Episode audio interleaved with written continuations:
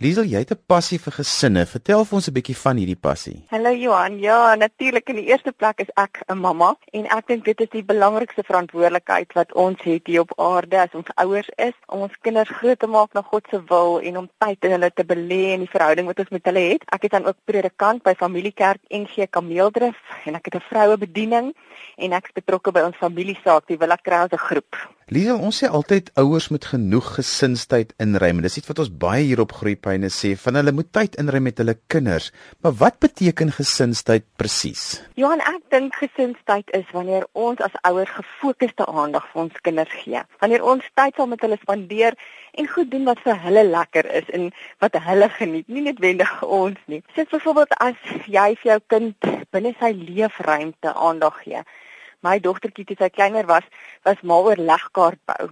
En sy het dit so geniet as ek op die mat by kom sit en ek bou saam met haar puzzle. En my seentjie sê mal oor balskop. En hy geniet dit as ek buite saam met hom 'n bietjie die bal rondskop of sy pa dit saam met hom doen. So ek dink dit is ware gesinstyd en as ouer offer mens bietjie op, maar dit is verhoudingsbou tye.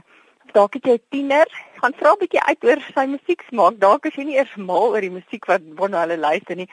Maar hoor 'n bietjie hoekom hou hy daarvan en wat is die groep se naam waarna hy so graag luister? Dit is vir my ware gesinstyd. Liesel, maar wat is gesinstyd dan nie? Ek dink 'n verhaaltjie wat 'n baie bekende sakeman onlangs my vertel het sommer mooi op. Hy sê hy het altyd by die werk gejaag as hy nou klaar is met werk om net so voor 8:00 in die aand by die huis te kom sodat hy dan net sy ou dogtertjie in die bed kan sit. En hy sê eendag sit hy net daarby op die bed en hy lees net vir haar 'n stukkie en so en hy probeer met haar kuier en Hy's daar, maar hy's ook nie daar nie. Sy kop is nog by die werk en sy dogtertjie vra vir hom: "Pappa, waar is jy? Waar is jy?" En hy sê vir my: "Hier sit ek nou by jou bed en ek ek sien nou vir jou nag en af. Hy sê: "Maar pappa, jy's nie hier nie." En ek dink dit is wat gesinstyd nie is nie. En ons is in so 'n versoeking in hierdie samelewing wat ons leef om by iemand te wees, maar ook nie by hulle te wees nie. Verkeer stap mense by 'n restaurant en dan sit daar mense en elkeen is op sy eie selfoon besig met Facebook of Twitter of e-posse of wat ook al. So daai ding van ek kyk in jou oë en ek gee gefokusde aandag aan jou. Uh, mens sien dit al hoe minder en om te dink jy is by jou kind, jy weet jy sit hier agter jou rekenaar en hy sit in televisie kyk. Is nou goed en wel en mens die kind voel dalk jy pappa is hier naby my. Maar dit is nie vir my regtig kwaliteit gesinstyd nie. En ons moet versigtig wees dat dit nie in daai gat trap nie, want ons is geneig om deesdae in kuberruimtes te leef. Ons leef nie aanwesig nie. Ons is daar, maar ons is ook nie daar nie. En ek dink ons moet versigtig wees vir dit of self te dink, nou dag maak ek die fout ek wil vir my gaan skoene koop en ek dink ek vat my klein seentjie saam wat ek tyd saam met hom spandeer, maar hy was so gefrustreerd terwyl ek nou skoene aan en weet uitpas en hy moet nou daar sit en ek het nou gedink dis nou 'n tydjie wat ons al kan kuier so tussen die skoene aan aanpas.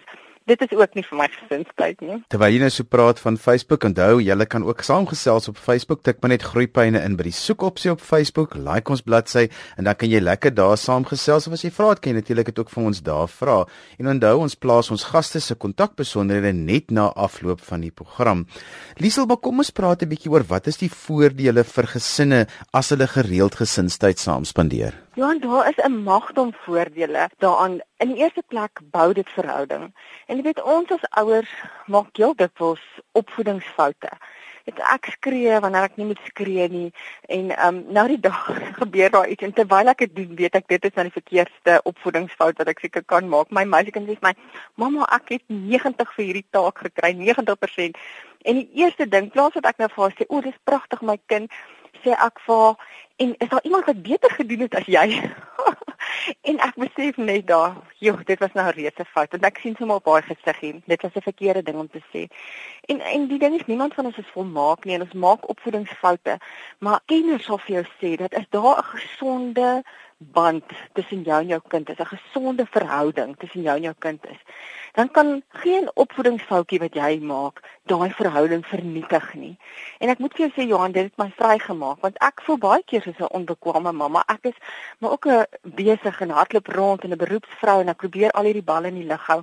Dan dan weet ek net jy maar ek moet aandag skenk aan hierdie verhouding hulle daar net 'n sterk band is. En, en die feit van die saak is die volmaakte gesin bestaan nie. Nie eers in die Bybel se tyd lees ons van 'n volmaakte gesin nie. Ek dink net aan Kain en Abel.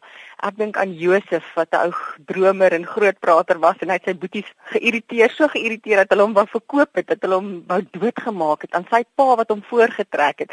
Dit is net baie van hierdie verhale lees in die Ou Testament van gesinne, dan klink dit amper soos 'n sepie. Die volmaakte gesin bestaan nie eers in die Bybelse tyd nie.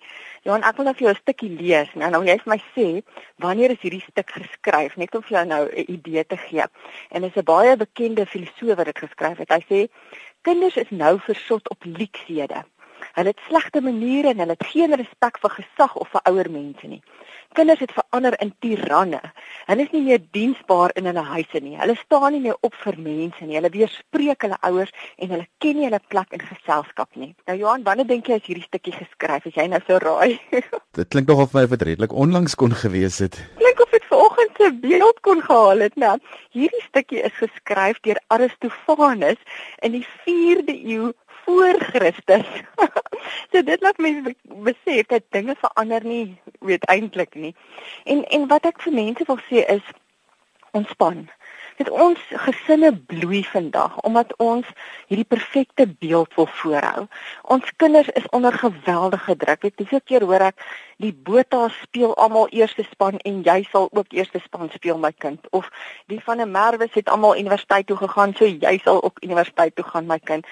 En ons sit hierdie druk op ons kinders en ons uh, ons gesinne bloei want ek weet wat, wat word ook van enkelouers en hersaamgestelde gesinne. Die volmaakte gesin bestaan nie. En dit beteken nie ons moet nie daarna streef om gesonde verhoudinge te hê nie. Maar ek dink ons moet daai valse beeld wat ons probeer voorhou met ons met ons laat gaan. En ons moet as ons foute maak vir ons kinders sê, hoorie ek is jammer. Want waar moet hulle anders leer om te sê ek is jammer as hulle dit nie by hulle ouers sien nie? Want kinders is klein naapertjies en hulle leer by ons. En weet baie keer dan kyk mens na gesin en jy dink, "So daai gesin is seker nou volmaak." Maar dis amper ek sê altyd vir vrouens, dis amper soos mooi skoene. Dit as jy iemand met mooi skoene sien en dit lyk nou baie mooi en als maar jy weet nie waar daai skoene oral druk nie. en en ek dink wanneer ons net begin ontspan en weet, weet jy, daar gaan tye kom in ons gesin wat ons konflik het. Iemand het eendag gesê dit is net lyke wat nie van mekaar verskil nie. En wat ons dalk 'n um, bietjie haakplekke het, maar kom ons werk daardeur, kom ons praat daaroor. Um dit is juist uit sulke tye wat 'n verhouding kan groei, wat ons baie keer selfs nader aan mekaar kan kom na so iets. So ek dink ontspan weet daai daai volmaakte gesin bestaan nie en en maak tyd vir mekaar en kom by mekaar uit want tyd is op die eind kardinaal vir verhoudingsbou. Liesel, die ander moeilike ding is is wanneer die romantiese verhouding tussen twee ouers verbrokkel het en dit het regtig moeilik begin raak want nou bly 'n gesin nie meer onder een dak nie.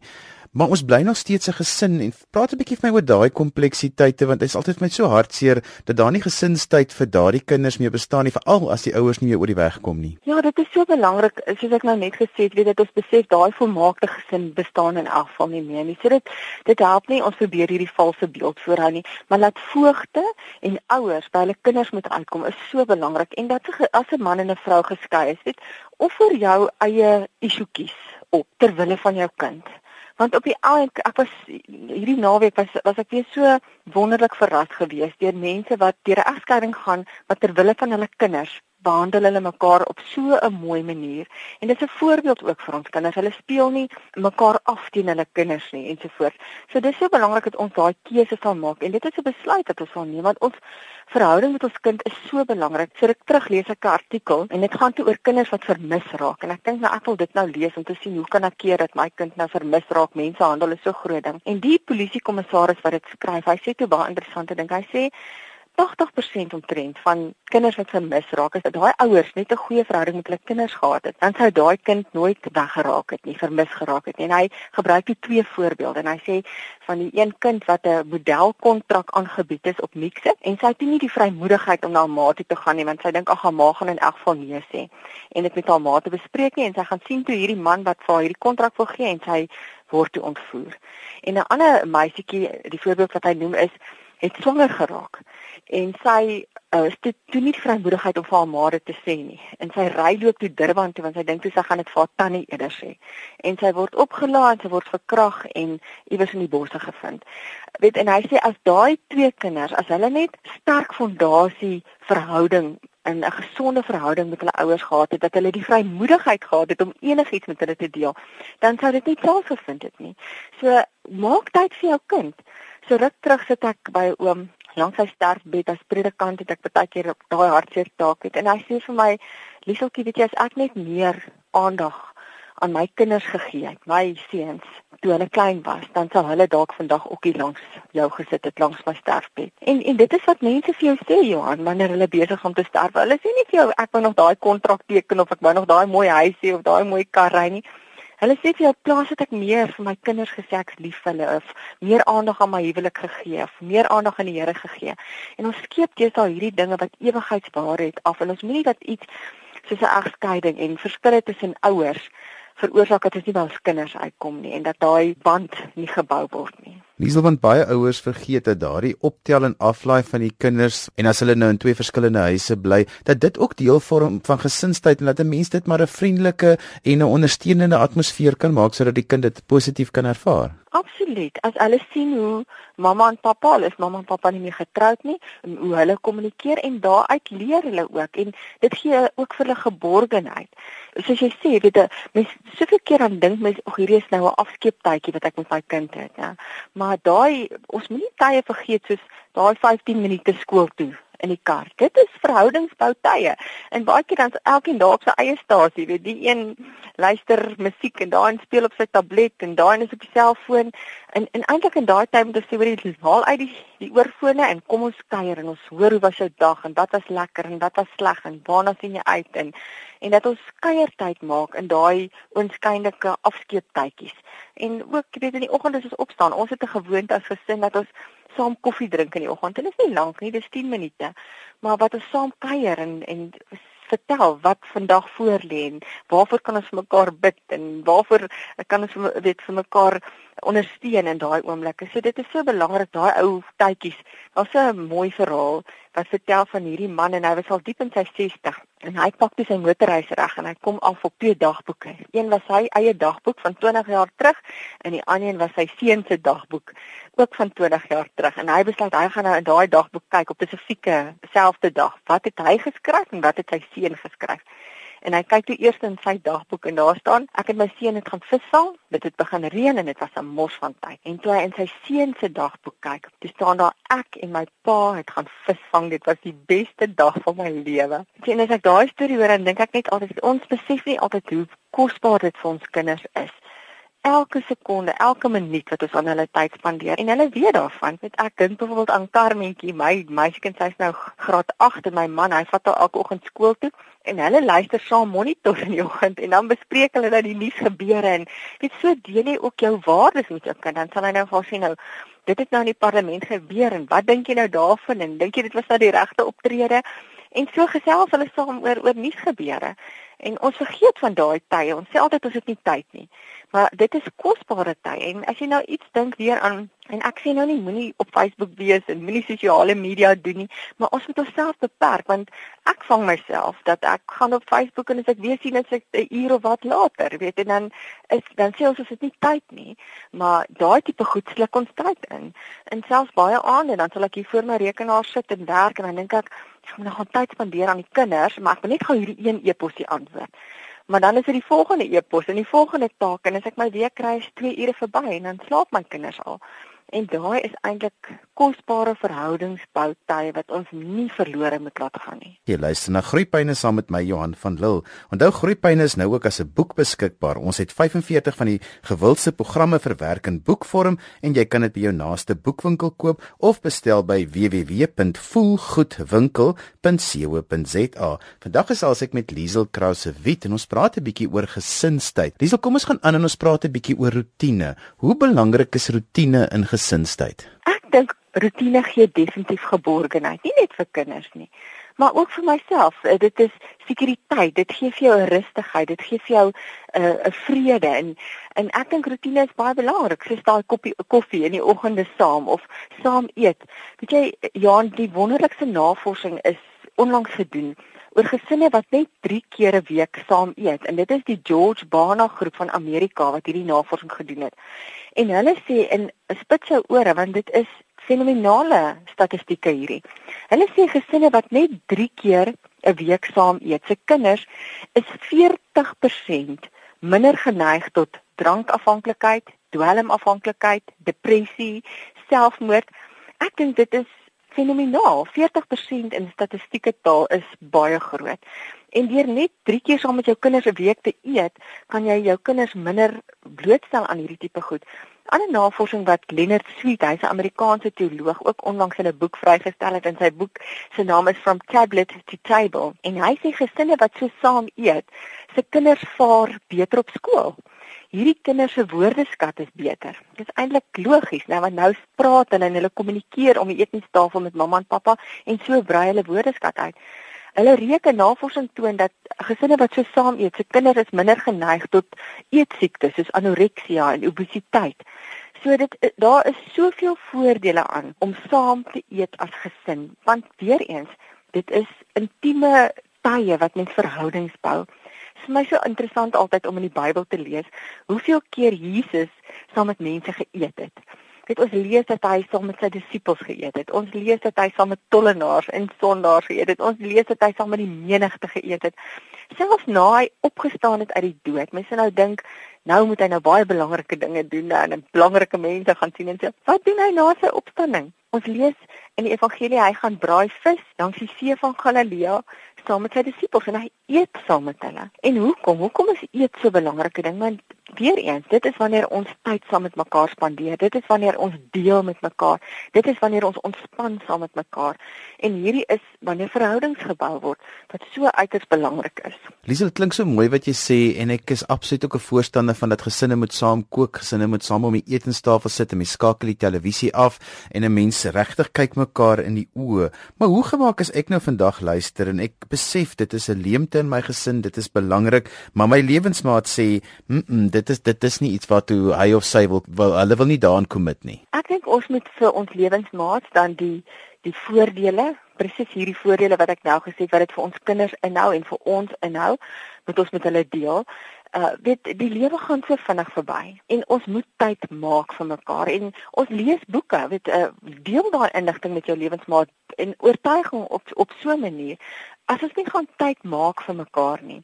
Iemand het eendag gesê dan gaan ons later ook nie meer tyd hê vir mekaar nie. En dit is regtig 'n besluit want dit voel vir my die lewe raak net al hoe meer gejaag en al hoe besigger en ons omstandighede gaan nie noodwendig verander nie. En daarom moet ons verander en ons moet hierdie besluite neem. Ons moet wat sê hulle in Engels hierdie slower living nou om net bietjie stadiger te leef en nie net die lewe af te sluk nie. Laat ons die lewe begin proe en mekaar begin geniet en want ek dink nie ons sal kan aanhou teen hierdie pas wat ons nou aanhou nie. En ons moet by mekaar uitkom en mekaar bemoedig en uh, ja, verhoudinge bou uh, sodat ons juis kan aangaan. En dit is by ons wat ons kinders leer. Hulle kyk na ons en hulle sien hoe ons kommunikeer en dit is waar hulle leer dan hoe om te kommunikeer en baie keer dan dink ons het die fout lê by die ander ou wat uh, my man nou net is is die buurman, jy weet of my kinders nou net is is my sussie se kinders. Maar daar's 'n oulike staaltjie wat vertel van hierdie oom en hy het te vermoed sy vrou is besig om doof te raak en hy gaan na die dokter toe en die dokter sê nou goed, kom ons gaan kyk bietjie hoe doof die tannie is. Gaan staan nou vanaand so 'n paar meter vandaan dan vra jy vir haar vraag en dan as jy nou nie hoor nie dan tree jy bietjie nader dan vra jy weer die vraag tot sy nou kan antwoord en jy nou hoor. En die aand is die oom, die tannie is besig om te kook en hy staan so 5 meter van haar af en hy sê: "Skat, wat is vir ete vanaand?" En die tannie antwoord nie en hy tree nader. "Skat, wat is vir ete vanaand?" En die tannie antwoord nie. En naderhand is hy langs daar en hy sê: "Skat, wat is vir ete vanaand?" En die tannie sê: "Vir die 5de keer my ou man hoender curry." dit het al die tyd die oom wat doof is.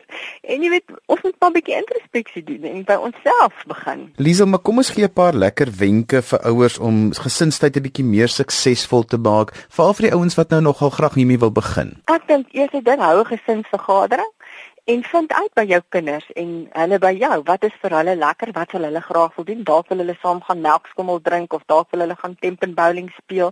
So vind uit wat is lekker by hulle en begin dit net doen.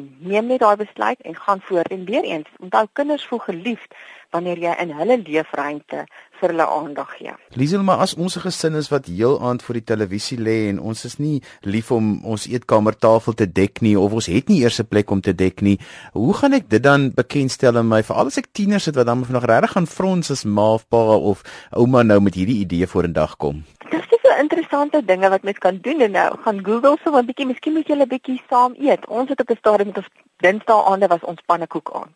En dan het die gesin, dan het die kinders die pannekoek mengsel aangemaak en hulle het probeer daai pannekoeke gooi dat dit teen die dak trek omtrent. Dit doen interessante lekker goed. Besluit dat vanaand maak die kinders die kos en wat ook al hulle wil doen, hulle kan lekker kreatief wees laat hulle gaan in die kos maak en die ouers mag nie woord sê nie, hulle moet net lekker saam eet of lekker interessante tafel, dalk Moroccan style, lekker op 'n um, mat op op die op die vloer en ons eet vanaand op die vloer. Maak dit interessant en lekker vir jou kinders. Ag, die lewe is so kort, né? Kom ons gryp dit aan ons en ons leef voluit en ons bestaan nie net nie. Ons leef met 'n hoofletter L. Daar's interessante maniere hoe ons dit vir onsself kan lekker maak en dit begin alles by 'n keuse, Johan ons moet daai besluit neem as ons nie gaan kies wat ons doen nie. Die Here het ons hierdie wonderlike vermoë gegee om te kan kies en, en ons kan kies om tyd te maak. Ons kan kies om op kreatiewe maniere saam te kuier en saam te eet. Want dan dan gaan ons so uitmis en ehm um, ja, dan gaan ons later ook nie meer tyd hê vir mekaar nie. Ek sê altyd vir ouers, hulle prop die kinders se programme so vol en ek voel dis beter om dan iets te los want um, ons kan nou gaan deelneem aan 'n klomp goeters maar om 'n suksesvolle gesinsverhouding te hê is meer belangrik as enige van hierdie ander klasse wat 'n mens noem. So as 'n mens dan iets moet los om dan opoffering te maak om deel van 'n gesin te wees want die waarde wat 'n gesin aan 'n kind se ontwikkeling bydra is baie keer meer belangrik as al hierdie ou buitemuur se goed want die kinders bly tussen al hierdie dinge wat hulle moet reis en hulle bly vol programme hê en dan is daar nie tyd vir gesinstyd en ek dink dit is belangrik wat jy sê dat 'n mens dan moet keuses maak. Ek stem saam met jou. Weet ek het nou die dag praat ek by hoërskool en ek besluit te voor die tyd ek wil net bietjie gaan huiswerk doen. Wat bekommer hoërskoolkinders? En ek was geskok om te hoor dat meeste van daai kinders sê tannie ek dit voel vir my ek het nie genoeg tyd nie. Ek dan jaag ek na hierdie wiskunde klas toe en dan moet ek hierdie cricketwedstryd gaan speel en dan moet ek hierdie oefening doen en dan is ek bekommerd oor gaan ek my punte reg wees vir universiteit en dan beklei my ma en pa en dan is dit nog groepsdruk en ons kinders is onder geweldige onnodige druk. En ek dink daar moet mense ja weer eens hou gesinsvergadering en besluit wat is belangrik en wat is nie belangrik nie. En dan iets wat ek eh, weet moet sê Johan is dat kom ons bid daaroor. Kom ons bid daaroor as as gesin saam. Daar's so 'n Engelse gesegde en dit is dalk 'n geuite gesegde wat sê the family that prays together stays together. Dink kom mense begin eers regtig leer wat dit is om te bid wanneer jy kinders het want ek het nog nooit so gebid in my lewe van dit my bloede gebore is en, en jy bly op jou knieë vir hulle. So bid daarvoor en en weet ek hoor so baie keer van gesinne wat nie oor die weg kom nie. Broers en susters, ouers ensovoorts. Weereens bid. Daar's nou nog so 'n ou staaltjie wat ek jou wil vertel en dit is van hierdie monnik en hy is in hierdie klooster en hy besluit hy gaan vir 'n week lank om afsonder en bid. En almal in die klooster is te woedend vir hom dat hy nou soveel tyd afsonder na soveel werk. En toe hy terugkom, toe sê iemand vir hom: "Ag man, jy het nou so lank gaan bid, maar jy lyk nie eers eintlik veel anders nie." En toe sê hierdie monnik: "Maar weet jy wat? Jy lyk nou vir my anders. Want dit is wat gebed doen, hè. Dit verander hoe jy na ander mense kyk. Dit uh, verander nie nou altyd die omstandighede nie, maar dit verander jou. En kom ons begin saam bid as gesinne ook en en bid vir mekaar en bid vir gesinne in ons land want dit is tog die hoeksteen van ons samelewing. Ek is bevoorreg om 'n ma te hê wat ek weet elke dag vir al vier haar seuns bid en dit laat 'n mens so veilig voel. Liesel gee vir ons so 'n laaste slotgedagte en dan moet ons groet. Ja, Augustinus, hulle sê die groot filosoof Augustinus se ma het ook so vir hom gebid en nou Luther se vrou het ook so vir hom gebid. Sê ja, dit kan ek seker maar net opsom. Ek glo in begenadigde ouerskap. Kyk, ons leef nog dis kan die hemel, soos my vriendin altyd sê. En ons maak nog foute, maar dankie tog ons hemelse Vader, die volmaakte Pa is daar om ons te help in hierdie ontsettende groot taak wat hy vir ons gegee het en dit is ouerskap want ouerskap kan die wonderlikste ding wees maar dit kan ook baie seer te voorbring en dit hou ons ook op ons knieë maar gelukkig ons Pa, die hemelse Pa is daar om ons toe te rus en ons te help en geniet jou gesin, geniet jou kinders, ouers geniet julle kinders en kinders geniet julle ouers want sjoe, deur eens ek is 'n predikant en en ek het net nou die dag weer oomie begrawe en die lewe gaan eintlik so vinnig verby, né? En ons jaag so verby mekaar. Kom ons maak weer tyd vir mekaar. daarmee moet ons dan groet vir vandag. My gas was Liesel Krause Wit, bekende televisiepersoonlikheid, skrywer en natuurlik ook 'n deeltydse predikant. En ons het 'n bietjie gesels oor die belangrikheid van gesinstyd. As jy weer na die program wil luister, kan jy by RSG se webwerf by rsg.co.za na die pot gooi gaan luister. Ons gee ook programinligting en ons gaste se kontakbesonderhede op Groepyne se Facebook bladsy. Ons e-posadres is groepyne@rsg.co.za. daarmee groet ek dan vir vandag tot 'n volgende keer van my Johan van Lille. Totsiens.